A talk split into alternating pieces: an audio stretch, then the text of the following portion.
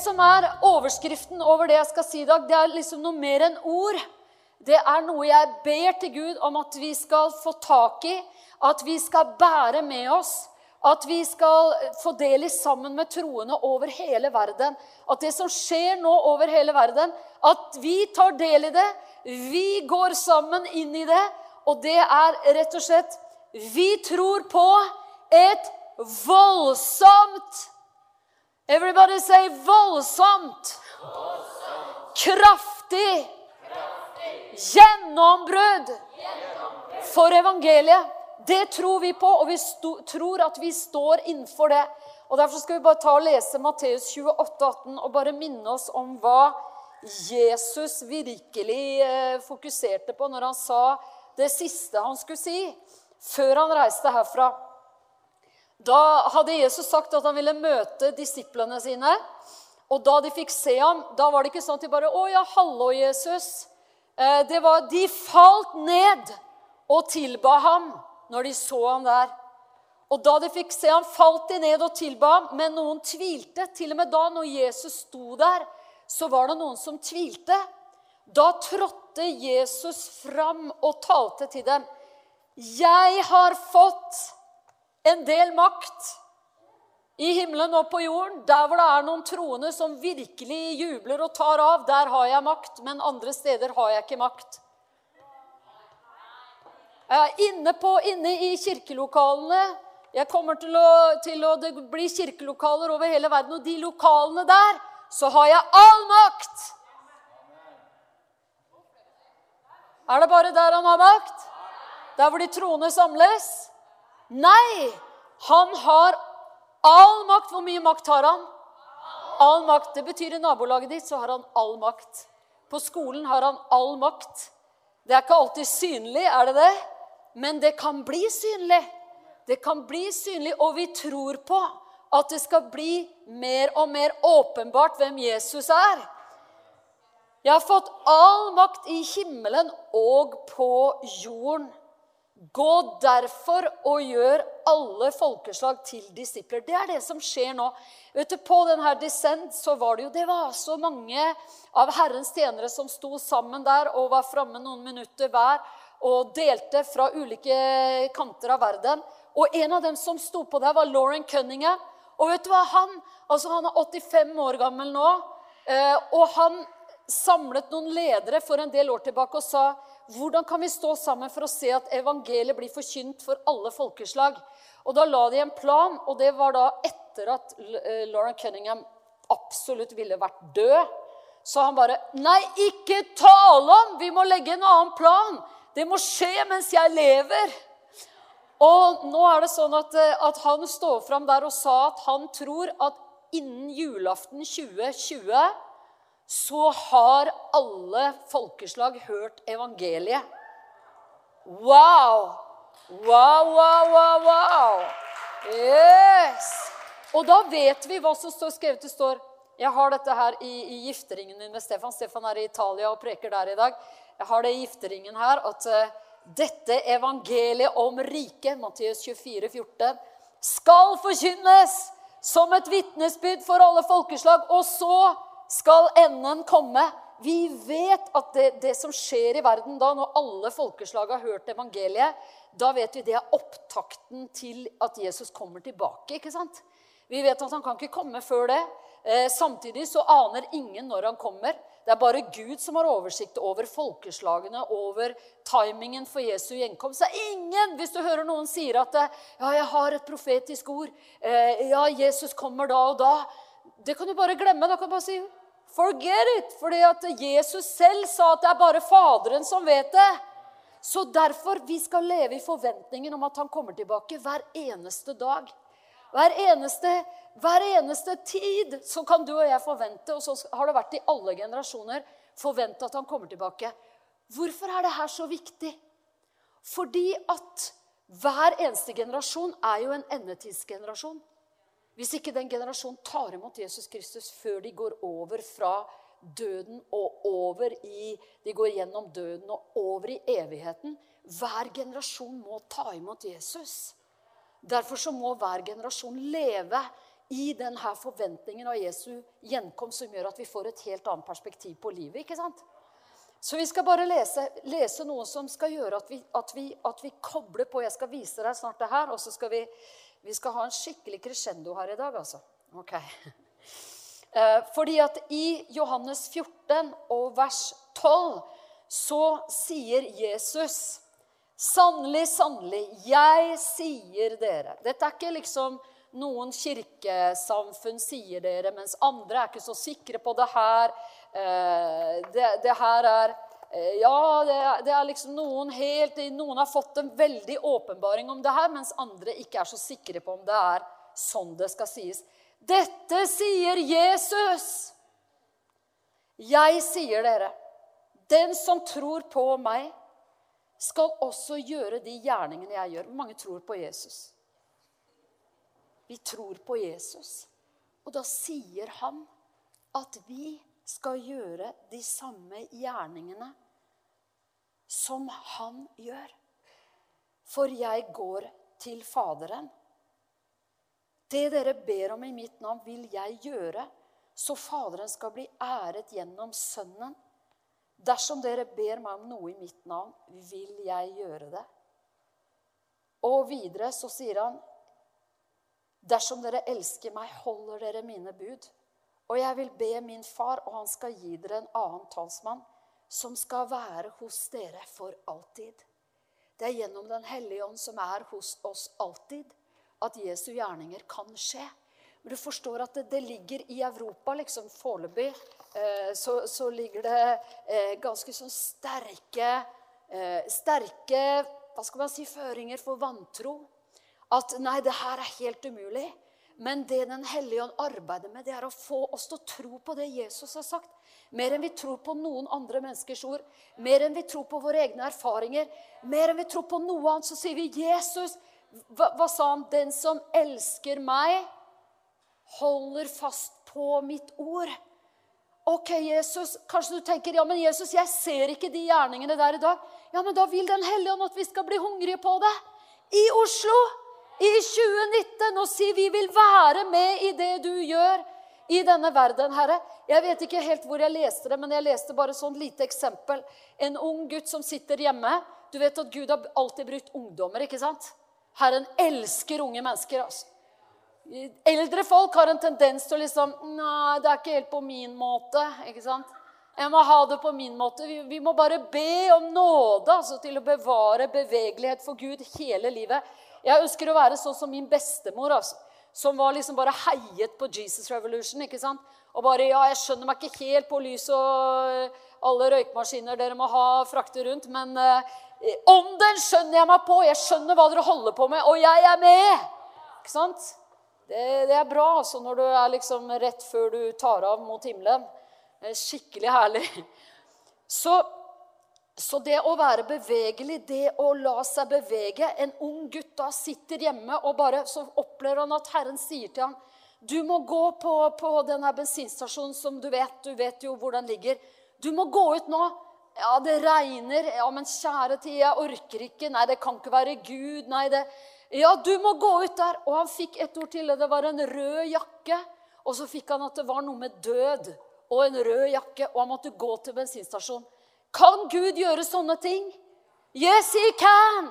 Og vi må begynne å tenke Gud når vi er på universitetet, skoler, nabolag, arbeidsplasser. Begynne å tenke Gud, hva har du på gang i dag? Vet du, Djevelen arbeider så hardt for at Guds menighet ikke skal leve med Gud i hverdagen. Det er jo i hverdagen vi er skapt for å leve med Gud. Komme sammen på søndager, sendes ut i vår hverdag og holder gudstjeneste overalt. ikke sant? Så den gutten han bestemte seg ok, det, det, det, jeg får bare gå, da. Kommer til bensinstasjonen, det regner. Han ser én dame stå der i rød i regnjakke. Det er ingen andre der. Han går rett bort til henne og sier, 'Du, har, har det skjedd noe i, i, i, i, blant dine nære, nære familie eller slektninger og sånn? Er, er, det noen som er død?'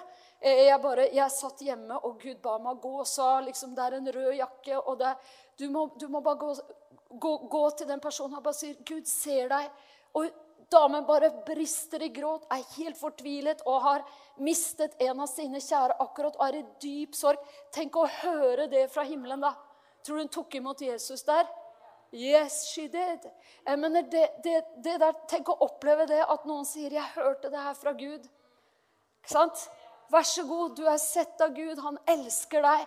Vet du, Jeg tror på at vi skal se Guds barmhjertighet forløst gjennom Jesu gjerninger, gjennom våre liv, gjennom våre enkle hender, gjennom, gjennom våre, våre, våre, lepper, at vi kan si ord ikke, det, det, kan være litt sånn stotrende, kanskje vi ikke får det fram helt sånn fantastisk med orgelmusikken. Den er ikke der når vi vandrer rundt. Jeg har i hvert fall ikke med meg et orgel når jeg går rundt.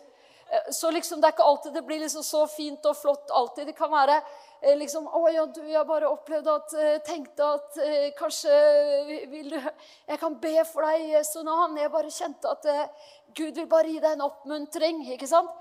Vet du hva, jeg har aldri opplevd, jeg har opplevd Jo, jeg har opplevd én gang at en person ikke ville ta imot forbønn. Som var syk og lå sengeliggende, og jeg var der tilfeldig i det hjemmet. Og Guds kraft brant i hendene mine. Og jeg sa, 'Kan jeg legge hendene mine på deg og be for deg, Jesu navn?' Nei, det kan du ikke. Det var en forferdelig opplevelse, og det huska jeg nå når jeg sa det, at jeg aldri har opplevd det. For det har jeg opplevd. Men det er den ene gangen. Og, og ellers Folk er åpne for omsorg, medmenneskelighet. At man er engasjert i noe mer enn seg selv. Der må man gå rundt. At man tar tak med andre det har jeg til gode å oppleve at folk opplever støtende. altså. Det opplever de bare. Oi, wow. Det kommer jo ikke liksom sånn Ja, her er jeg! Jeg er en fullkommen eh, helbredelsesevangelist. Så nå kommer jeg her, liksom. Eh, here's my paper. Uh, I'm signed in. ikke sant? Så nå kan jeg be for deg. Du vet jo, Det er jo ikke sånn det skjer. ikke sant? Uh, men, men det, altså et menneske som opplever at en annen er engasjert i ens liv, det oppleves godt. Og det trenger vi mye mer av. Kongen vår har bedt oss dette året her, 2019, å være mer vennlige enn vi har vært noen gang. Han opplever at det er behov for det. Som konge i landet vårt så er det sånne ting. Han har sendt ut en vennlighetsutfordring 2019. La oss som Guds menighet i alle fall gire sterkt inn i den. Amen. Og, og vi kan mer enn vennlighet også. Vi kan til og med forbønn og bønn. Og, og dra folk med oss inn i gudstjenesteliv og få oppleve Jesus Kristus gjennom møter også. Amen. Nå skal du få se denne, eh, det her lille klippet fra The Send. Det her er fra min telefon, da, så hvordan dette ser ut, det får vi se.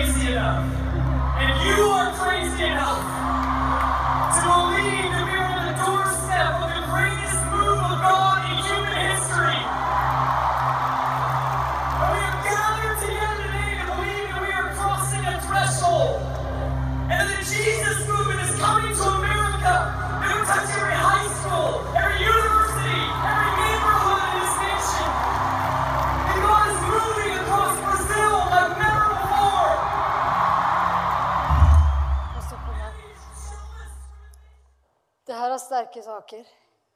Det her er i vår tid. Det her, det her skjer mens du og jeg er her. Vi vil ha det her inn i Oslo, ikke sant? Vi vil ha det her inn i Norge.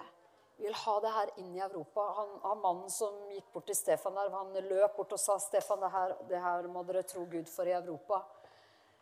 Vet du det, det, det her, det vil vi ha. Dette er normal kristendom. Dette er ikke noe sånn, altså dette her er tusener på tusener på tusener på tusener. Og i denne samlingen så går de ut Hvis vi hadde fortsatt å se der, så går, går de ut og sier at Before there was ever a Jesus movement, there was a Jesus fast. At Jesus fastet 40 dager før han startet sin tjeneste. Det var jo det første Jesus movement vi har noen gang sett. Når Jesus begynte sin tjeneste. Og de, de ba alle som, alle som, eh, som eh, ville, å sign up for å være med på en Jesus fast. 40 dager fra 1. mars til 9. april. Wow! Og tusener av mennesker er akkurat nå med på den bønnen og fasen der. Husker du for noen søndager siden at vi snakket om faste? Da ante ikke jeg at jeg kom til å være på den der. Og at det kom til å bli lansert en sånn fastetid over hele verden. Det ante jeg ikke. Men jeg bare tenker at vi er inne i en opptakt av Gud. Vi står innenfor et massivt gjennombrudd, og vi vil ha det her. Så jeg tenker, vet du, skal ikke vi bare bli med på den derre Jesus fast? Og hvordan ser det ut? Altså Noen av disse her, de er så trent i faste ikke sant? at de faster på vann i 40 dager. Men det, det, da er det liksom sånn at da, da, er du ikke inne i masse Du går på jobb hver dag, eller du går på studie hver dag, eller du reiser, holder på, står på med masse forskjellige ting. Så de anbefaler å, å ta den fasten som man kan takle, men å stå med i en innvielse i 40 dager sammen med tusenvis av troende over hele verden. Hva er faste egentlig? Faste, det er å ydmyke seg for Gud. Det er å bøye seg for Gud. Det er det absolutt viktigste i en faste. Det er å si, 'Gud, jeg ydmyker meg for deg.' Det fins et kall i hele verden til å følge Jesus. Sånn som Jesus ser for seg en, en, en Jesusbevegelse, det tror vi at vi kan ha i vår tid. Vi tror at Jesu gjerninger kommer gjennom helt vanlige mennesker. Vi tror at det skjer på arbeidsplasser, på gater, i nabolag, rundt omkring. Vi tror det kanskje, altså I Jesusbevegelsens tid så var det sånn at da hadde folk telefonsvarere. ikke sant? Og når du ringte til telefonsvareren, så var det sånn Det er 70-tallet i Norge, så var det sånn Ja, hei, ja, jeg får ikke tatt telefonen nå, men eh, Er du frelst? Har du din sak i orden med Gud? Hvis ikke det, så sånn kan du ta imot Jesus og bli frelst, du også. Og, og, når du har tatt imot Jesus Vi er å finne der og der. Kom dit og dit. ikke sant? Jesusbevegelsen er i gang. Det er herlig. Det er så bra. Og en sånn folkebevegelse, en Jesusbevegelse, det ønsker vi oss. Som rører ved alle slags mennesker. Som ikke har liksom noen favoritter som sin target men som inkluderer alle. Familier, små barn, tenåringer, eh, mennesker som, som, har alle mulige slags bakgrunner, vil bli kalt til Jesus i en sånn Jesusbevegelse. Vi kan oppleve at noen av de minst tenkelige vi kunne tenke oss, de kommer med! De, og ikke bare kommer de med, men de blir radikale. Vi hørte jo deg, Kevin, for en søndag eller to siden hvor du sto her oppe, og jeg tror du kunne stått eh, der ennå, egentlig. Eh, og du hadde tatt imot Jesus for hva var det To måneder siden. Ikke sant? Og, og, er brennende, er radikalt engasjert i det som skjer i Guds menighet. Vet Gud han søker et folk over hele jorden. Har ikke vi lyst til å være med på det her? Og selvfølgelig kan du være med på det uten å ta en faste i 40 dager. Men hadde det ikke vært herlig å gjort det sammen? Og så tenker Noen faster på, noen bruker juice når de faster, andre faster på supper. Andre tar eh, Daniel-faste, hvor de bare spiser, dropper alle the delicacies. From the king's table. Altså alt det der søtsakene, alle kakene. Nå skal vi ha kake her etterpå. Eh, så, så fasten starter ikke nå. Men i Norge så er det sånn at i morgen, i dag er det fastelavn. Det var en sånn dag man skulle liksom fete seg opp. Fordi at da begynte fasten, så vi skal fete oss opp på bursdagskake til fem år i Markus kirke. Eh, så, så, eh, så den kaka, den tar vi. Men, men fra i morgen av så er det også sånn i Norge at det er 40 dagers faste opp mot påske utenom søndagene. For da, i, i tidligere så var det liksom sånn at søndagene det var liksom festen Sånn at da hadde man litt mer inntak av eh, Da var det ikke så fastende. Men så var det faste i 40 dager mellom de, de, de fire søndagene. da. Og så gikk det opp mot påske. Men du tenker kanskje 40 dager i faste. Det er jo crazy. Vet du hva? Det er ikke så veldig crazy. For du vet, vet du, vi bombarderes hele tiden med inntrykk, med nyheter, med skjermer, med ting som holder på rundt oss hele tiden.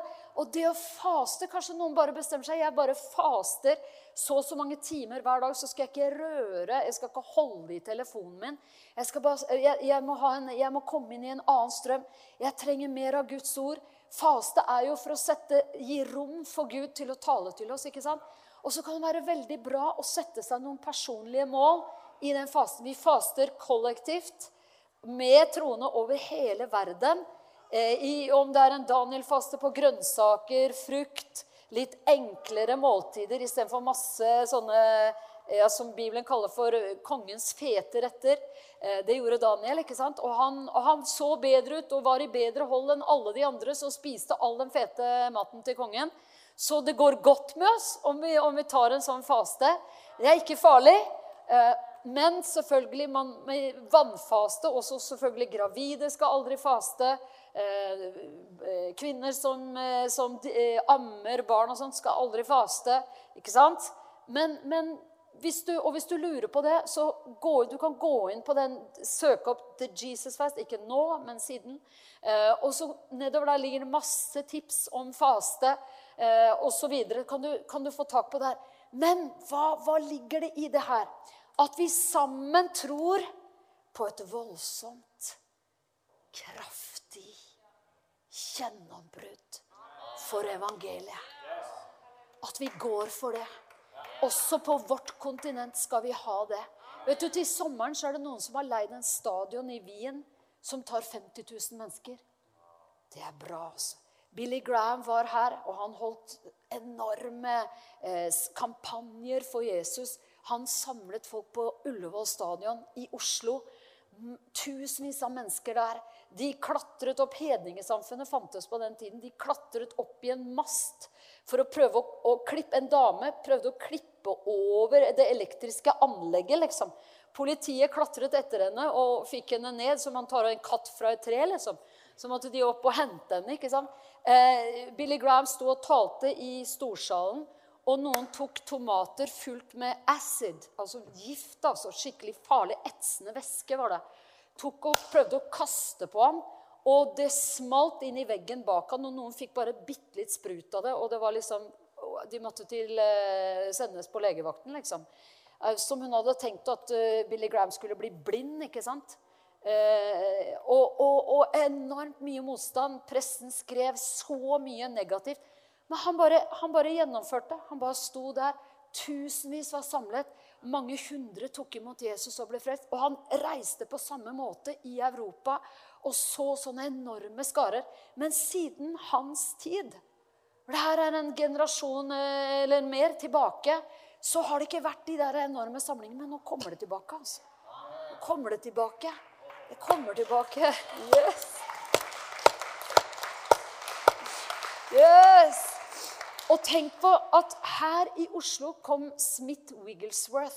Det var også en tid hvor folk var, var i bønn og fase. Så ble helbredelsesvekkelsen løst ut. Smith Wigglesworth var en rørlegger som ble kalt av Gud til å tjene han og til å, til å sette Guds ord foran alt. Han leste Guds ord hele tiden. Han hadde alltid en sånn liten sånn, Han kalte det lommelerke, som han hadde på, inner, han, eh, på, i dressjakka si. Så hadde han det inne, en sånn liten sånn lommelerke, sånn at han kunne alltid lese Guds ord. Hvert 15. minutt leste han Guds ord. Han var i Oslo, og en av de helbredelsene som jeg har lest om, og som jeg alltid bare har bare, Wow, for et, for et mirakel. Han gikk bort til en person som hadde en utvekst hengende i ansiktet, en kreftsvulst som lå utenpå kroppen. Og i, i, Guds kraft gikk han bort til Jesu navn, sa han. Så tok han tak i den og dro den av. Og kastet den av i Jesu navn. Og det var babyhud under. Du, vet du hva?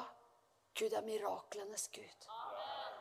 Herren ønsker å vise sin barmhjertighet med mennesker. Og Herren ønsker så at hans menighet skal være bøyd for de samme tingene han er. Være opptatt av de samme tingene han er. Være engasjert for de samme tingene han er. Vet du, Herren, jeg tror Herren ser for seg at vi, du og jeg, enkle mennesker, vi kan bli så fulle av Guds nærvær og av Guds liv at vi, vi beveger oss rundt, og folk bare Hva er det du har? Når du gikk forbi meg, så bare kjente jeg noe som, som jeg bare jeg, jeg vet ikke hva det er for noe. Kan jeg snakke med deg? Kan du stoppe? Kan du snakke med meg? Så folk har det krevende. Altså. Midt i vår Velstands-Norge så har folk det krevende. Folk har det vanskelig. Vet du, Gud vil utøse sin Hellige Ånd også gjennom oss. Han har gitt oss Den hellige ånd. Det er klart at en menighet, når vi begynner å si 'Gud, kom', kom, Om vi så bare kommer sammen her og setter oss her og sier 'Her sitter vi, Gud'. Kom! Vi bare sier til deg, vi lengter etter deg. Vi lengter etter din herlighet. Vi vil se deg sånn som du er. Vi vil se deg ta, ta og invadere Oslo. Bare gjøre, gjøre, det som bare du kan gjøre. Skal se, Er det feil å be om tegn og under og mirakler? La oss sjekke det.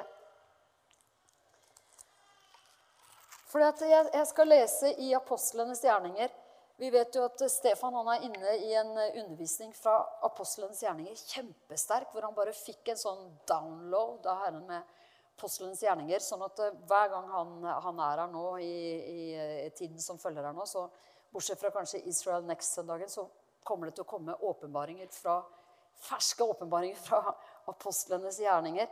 Men, men vi leser her, så står det at uh, i Apostelens gjerninger 4 og fra vers 13, da de så hvor frimodig Peter og Johannes var, forsto, og, og forsto samtidig at de var ulærde menn av folket. Det er ulærde menn av folket kan Gud bruke til sterke, kraftige gjerninger. Se for deg at du er ute og går i byen da, med, en, med, en, med en, eh, kamerat eller en, en, venn. Du er ute og går, det er, ute, det er to stykker ute og går. ikke sant? Som ser en som, som trenger legedom, går bort og sier jeg, jeg, har ikke noe penger å gi deg, men det jeg har, det kan jeg gi i Jesu navn.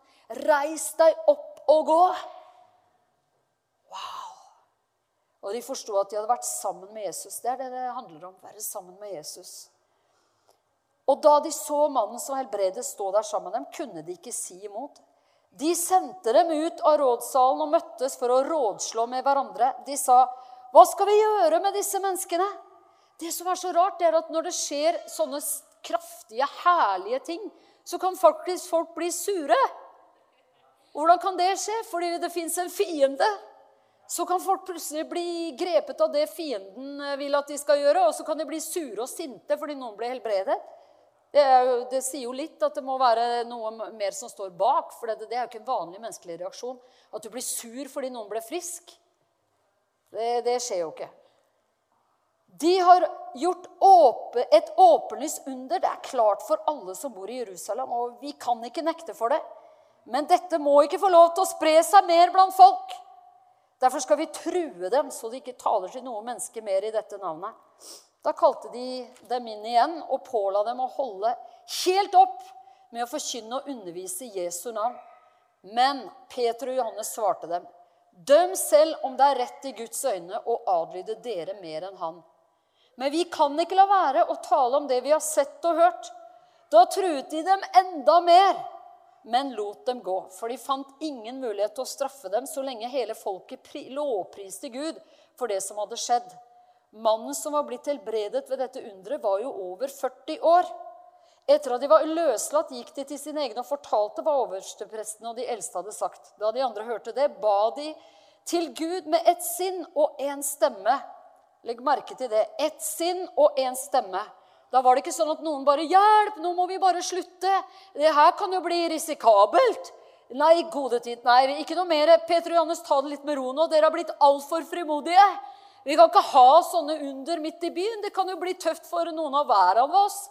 Vi kan jo høre om disse tingene, mange av oss. Og kanskje på jobben blir spurt ah, er du en av de der gærningene som, eh, som ser, dra, prøver å dra folk opp fra rullestoler, eller? Ikke sant? Jeg har faktisk opplevd å sitte på direktesendt eh, TV eh, hvor det var to jenter som hadde bedt for en gutt som satt i rullestol. For å, de spurte kan vi be for deg. Ja, han ville veldig gjerne det. Og, og det foregikk veldig enkelt, greit, og de, de gikk videre. Moren så at de hadde bedt for, for Gutten var jo, han var jo en, en, han var jo ikke en liten gutt, dette her. Han var en tenåring. Slutten av tenårene, tror jeg. Moren ble rasende. Ringte til NRK og bare sa 'Det her er overgrep mot min sønn', osv. Ja, så der har vi jo en reaksjon til da, som jeg har opplevd.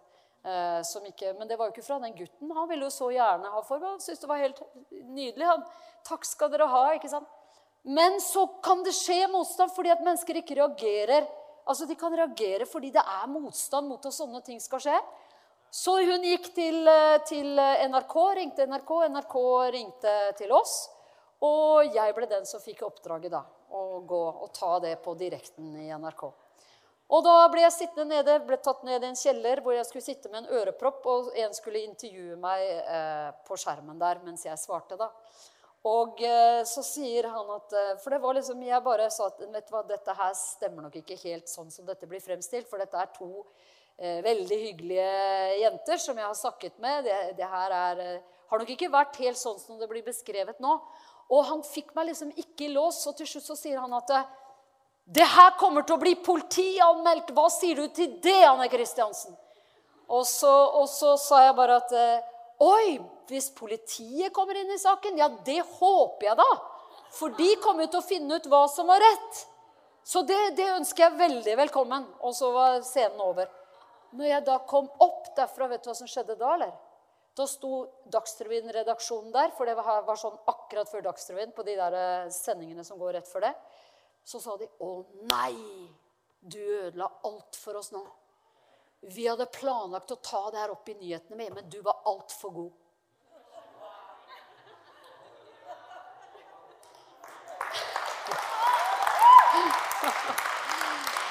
Men, men vi må bare, vi må bare Det, det fins jo ikke frykt i kjærligheten. Kjærligheten vil at folk skal bli frelst og bli helbredet. Og får vi noen ørefiker, vi vender det andre kinnet til. Amen. Jeg har vært i studio også en annen gang med en eitrende sinna far fordi datteren hadde fått et brev hvor det sto liksom om, eh, om, om frelse og, og, evig fortapelse og evig frelse i det brevet. Og det også ble da lokalisert tilbake til oss, og jeg også fikk oppdraget å gå i studio. Og, og, jeg satt der med en, en, spesialpsykolog, jeg satt der med Levi fra Gell, og jeg satt der med faren som da var så sint da, for det som hadde skjedd. Og etterpå så, så, sier han til meg Nei, i alle dager, sa han. For jeg satt jo bare og fortalte, og jeg fokuserte på For så høyt har Gud elsket verden, at han ga sin sønn den enbårne for at ingen skal gå fortapt. Men at jeg tenkte jeg får bare bruke muligheten til å forkynne evangeliet her, da. Så hver gang kameraet var på meg, så bare smilte jeg som jeg kunne. Og, og de andre var jo så sinte, ikke sant. Uh, og, og, og da sier han faren til meg etterpå å nei, sa han. Jeg er jo egentlig, hvis jeg tenker meg godt om, så er jo jeg også en kristen. Og hadde jeg bare visst, hadde jeg bare møtt deg på forhånd, så hadde jeg aldri gjort det her. Kan du bare tilgi meg at jeg dro dette opp i media? Og jeg bare Ja, selvfølgelig så tilgir jeg deg. Og vi ba sammen der. Og jeg bare sa at vi får bare glede oss over at i hvert fall har Jesus blitt nevnt på TV i dag, da. Sånn. Så men det, det, det, kan bli noen reaksjoner. Men vet du hva? vi er jo kalt å elske de menneskene som reaksjonene kommer gjennom. Vi er jo kalt til å vandre i kjærlighet. ikke sant? Vi er jo kalt til å stå den av. da. Og bare fortsette å gjøre det gode. For det er gjennom å gjøre det gode så overvinner vi det onde. Ikke sant? Så det sporet vi går i, det er så bra. Og der er vi så trygge. Og, og det at de da begynte å, å De samlet seg, gikk til sine egne og fortalte det som hadde skjedd. Og da var det ikke sånn at de andre sa nei, nei, nei, brems her nå. De bare sa nå skal vi be sammen. Og her står den bønnen de ba. altså. Da de andre hørte det, ba de til Gud med ett sinn og én stemme og sa, Herre, du som skapte himmelen og jorden Vi er i vers 24 i Apostelens gjerninger 4 himmelen og jorden og havet og alt som er i dem. Du lot Den hellige ånd si dette gjennom din tjener David, vår far. Hvorfor er folkeslaget i opprør? Hvorfor grunner folkene på det som er forgjeves? Jordens konge reiser seg, fyrstene slår seg sammen mot Herren og hans salvede. Ja, i denne byen slo de seg sannelig sammen mot din hellige tjener Jesus, som du salvet.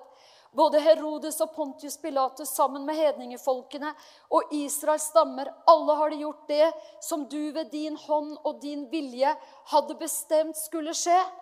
Og nå, Herre, hold øye med truslene deres, og la dine tjenere tale ditt ord med frimodighet. Det var liksom bare Gud, hold øye med det her. Hold øye med de her truslene, sånn at vi kan fortsette i de her gjerningene dine. Som du sa, dere skal gjøre de samme gjerninger jeg har gjort. Herre, vi ønsker bare å fortsette i det. Den hellige ånd er med oss. Den hellige ånd lærte dem hva de skulle gjøre der, der, her sånn. Og de sa, la oss bare fortsette å tale med frimodighet. Rekk ut din hånd, så det skjer mer av det som de fikk trøbbel for. Så det skjer helbredelser og tegn og under ved navnet Jesus, ved navnet til Jesus, din hellige tjener. Da de hadde bedt, skalv stedet der de var samlet. De ble alle fylt av Den hellige og nå talte Guds ord med frimodighet. Alle de troende var ett i hjerte og sinn. Vet du, Er ikke det her bra? Dette er så bra. Dette er kjærligheten.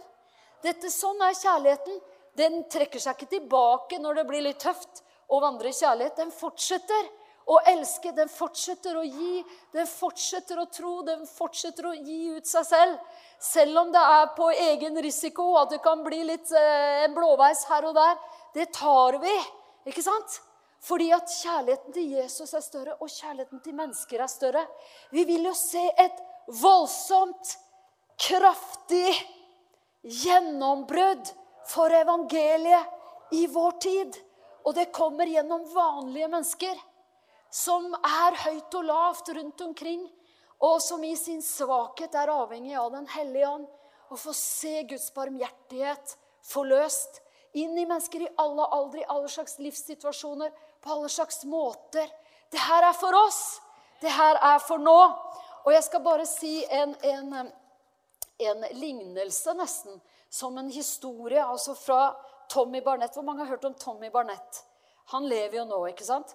Og når han var en liten gutt, så reiste faren hans over til eh, Europa for å se på den vekkelsen som var i Europa.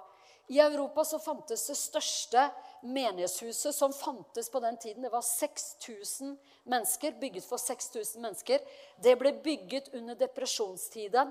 Det var sånn at kvinnene faktisk, de For å bygge det huset så tok de av seg skoene når de var ute på gaten og så tok de på seg skoene når de kom inn i lokalet, for å sørge for at ikke de måtte bruke penger på sko.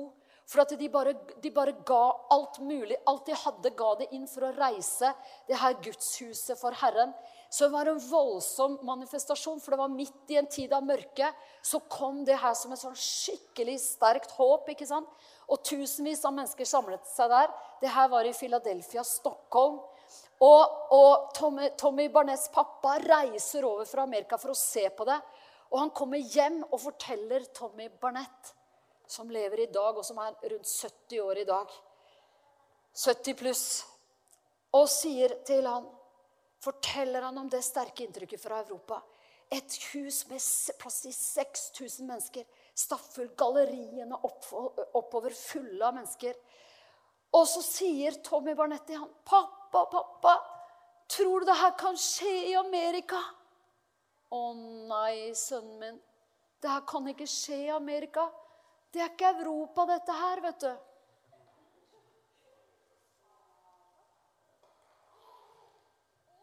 Et skifte har skjedd, og det gikk ble forløst i Amerika. Vi tror på at det skal komme så sterkt i Europa. Åh, vi skal se det. Vi skal være med på det. Vi skal oppleve det. Og dere, det å gå da inn i en sånn uh, Jesus-faste Skal vi gjøre det? På den måten som det er rett for deg. Den hellige ånd vitner for deg hvordan du skal gjøre det. Det her er ikke av ulyst eller tvang. Dette her er bare av glede.